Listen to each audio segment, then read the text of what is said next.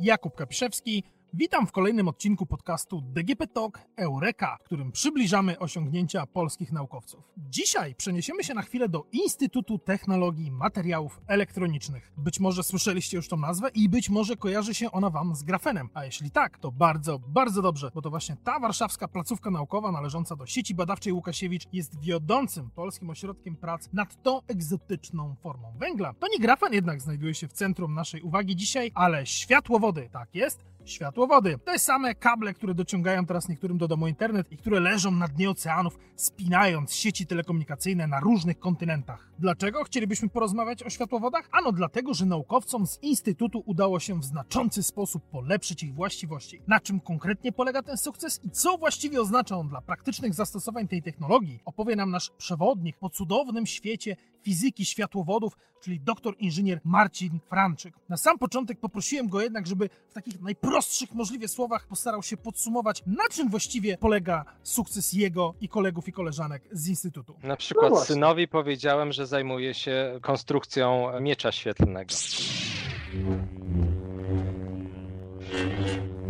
Ta analogia nie jest aż tak do końca naciągana. Dlatego, że po pierwsze, o czym być może nie wiecie i o czym ja sam do niedawna nie miałem zielonego pojęcia, światłowody stanowią elementy konstrukcyjne niektórych laserów, zwanych po prostu laserami światłowodowymi. Jeżeli słuchacie teraz tego podcastu na komputerze, albo laptopie, albo telefonie z metalową obudową, to jest bardzo duża szansa, że otwory w waszej elektronice zostały wycięte właśnie za pomocą takiego światłowodowego lasera. Po drugie, rozwiązanie naukowców z Instytutu pozwoli na konstrukcję laserów o większej mocy mocy niż dotychczas, co nie tylko przyczyni się do ulepszenia laserów przemysłowych, takich jak właśnie wykorzystywanych do wycinania otworów w obudowach, ale też zwiększy atrakcyjność tej technologii w oczach wojskowych. Bo nie ma nic tak dobrego jak wojskowy laser. Ale po kolei. Każdy światłowód, jeśli go przekroić, składa się z kilku warstw, ale dla funkcjonowania kluczowe są takie dwie, które są położone najgłębiej, zwane rdzeniem, to jest ta w samym centrum, oraz włóknem. Światło rozchodzi się w światłowodzie, ponieważ jest w nim niejako zamknięte. Materiały użyte do jego budowy dobiera się bowiem pod kątem tego,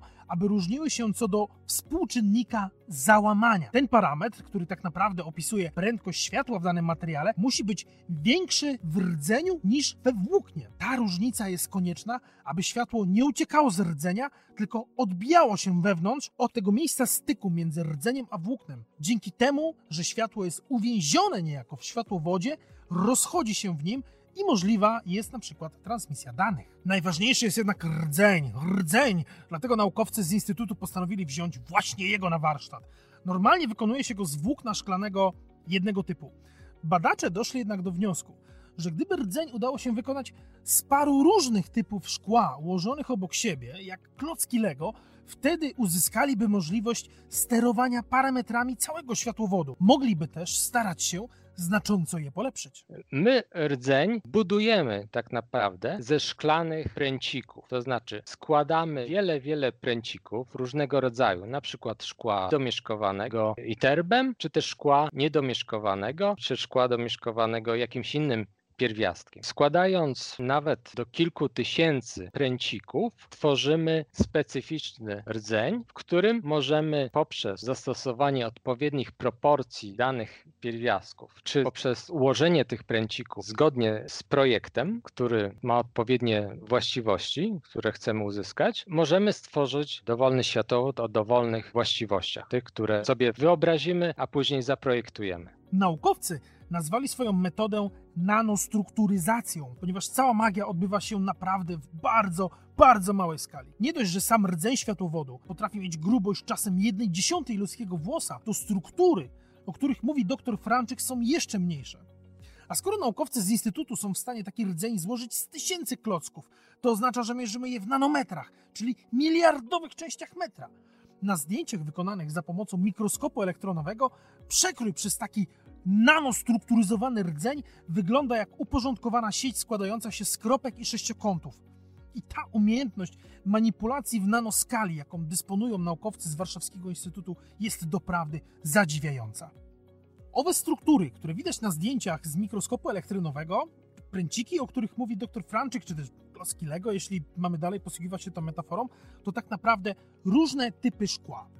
Różnią się od siebie tym, że domieszkowane są różnymi pierwiastkami, w tym przede wszystkim pierwiastkami ziem rzadkich, jak iterb, erb, holm, tul czy prazeodym. Co jest bardzo trudne albo wręcz niemożliwe w przypadku standardowych metod bo w przypadku standardowych metod musielibyśmy zrobić jednolite szkło, w którym pierwiastki, które chcielibyśmy wprowadzić do rdzenia, siłą rzeczy między sobą oddziaływują. W naszym rozwiązaniu my wyodrębniamy obszary różnych szkieł. W związku z tym pierwiastki, które są do, domieszką każdego z tych rodzajów szkieł, nie ma interakcji pomiędzy nimi. I w ten sposób właśnie w jednym materiale możemy połączyć różne właściwości właściwości. Dlaczego potrzebujemy właśnie takich egzotycznych pierwiastków? Tutaj wracamy do laserów. Laser to nic innego niż urządzenie, w którym jakiś materiał zmuszamy do świecenia w określony sposób. Materiał ten trzeba jednak najpierw pobudzić. Można to zrobić na przykład za pomocą innego źródła światła. W ten sposób dochodzi w pewnym sensie do wymiany. Używamy zwykłego światła na wejściu, aby na wyjściu uzyskać to pożądane światło. W światłowodzie, jak sama nazwa wskazuje, światło już jest materiał, który można zmusić do świecenia w konkretny sposób, też jest. I to jest właśnie ów rdzeń. I tutaj na scenę wchodzą pierwiastki ziem rzadkich, które domieszkujemy do szkła, z którego zrobiony jest rdzeń, bo je można właśnie zmusić do świecenia w konkretny sposób, na jakim nam zależy. I w efekcie wnętrze światłowodu, jego rdzeń stają się miejscem, w którym dochodzi do tak zwanej akcji laserowej. Te pierwiastki aktywne należy najpierw pobudzić do stanu wzbudzonego i z tego stanu wzbudzonego one przechodzą do stanu podstawowego w sposób taki, że następuje tak zwana akcja laserowa. Jakie są tego efekty? Między innymi takie, że laser może mieć znacznie większą moc. Najlepsze rezultaty mogą być przebite dwukrotnie dzięki naszemu rozwiązaniu. To oczywiście ma niebagatelne znaczenie w przypadku urządzeń przemysłowych, no bo im potężniejszy jest laser, tym do większej ilości zastosowań możemy go przeznaczyć. Ale informacja o tym, że jesteśmy w stanie budować lasery o większej mocy, będzie interesowała również wojskowych. Generałowie, zwłaszcza po drugiej stronie Atlantyku, od dawna starają się montować lasery na różnych platformach bojowych, czy to statkach pływających, czy to statkach powietrznych. Żeby broń laserowa stała się praktyczna, trzeba jednak jeszcze rozwiązać wiele technicznych wyzwań.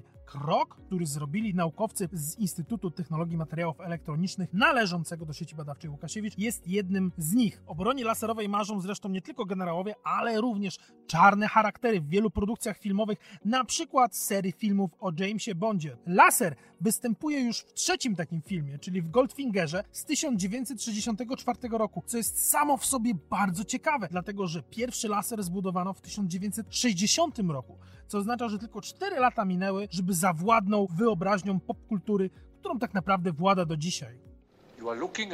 Patrzy pan na laser przemysłowy, który emituje niezwykłe światło, takie, jakiego nie można znaleźć w naturze. Dosięgnie nawet księżyca. A z bliskiej odległości przetnie metal. Pokażę panu.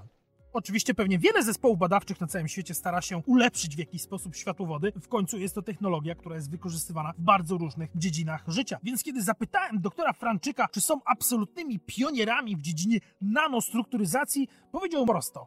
Jesteśmy pierwsi. Ja jednak nie dałem się zbić z pantałyku i zapytałem go, ale tak, pierwsi? Pierwsi? Na co doktor Franczyk odparł? Tak, jesteśmy pierwsi, pierwsi. Jakby podsumował Larry David z mojego ulubionego sitcomu Pohamuj swój entuzjazm? Pretty, pretty, pretty, pretty good. To był podcast DGP Talk Eureka. Jakub Keprzewski, dzięki za uwagę i do usłyszenia w następnym odcinku.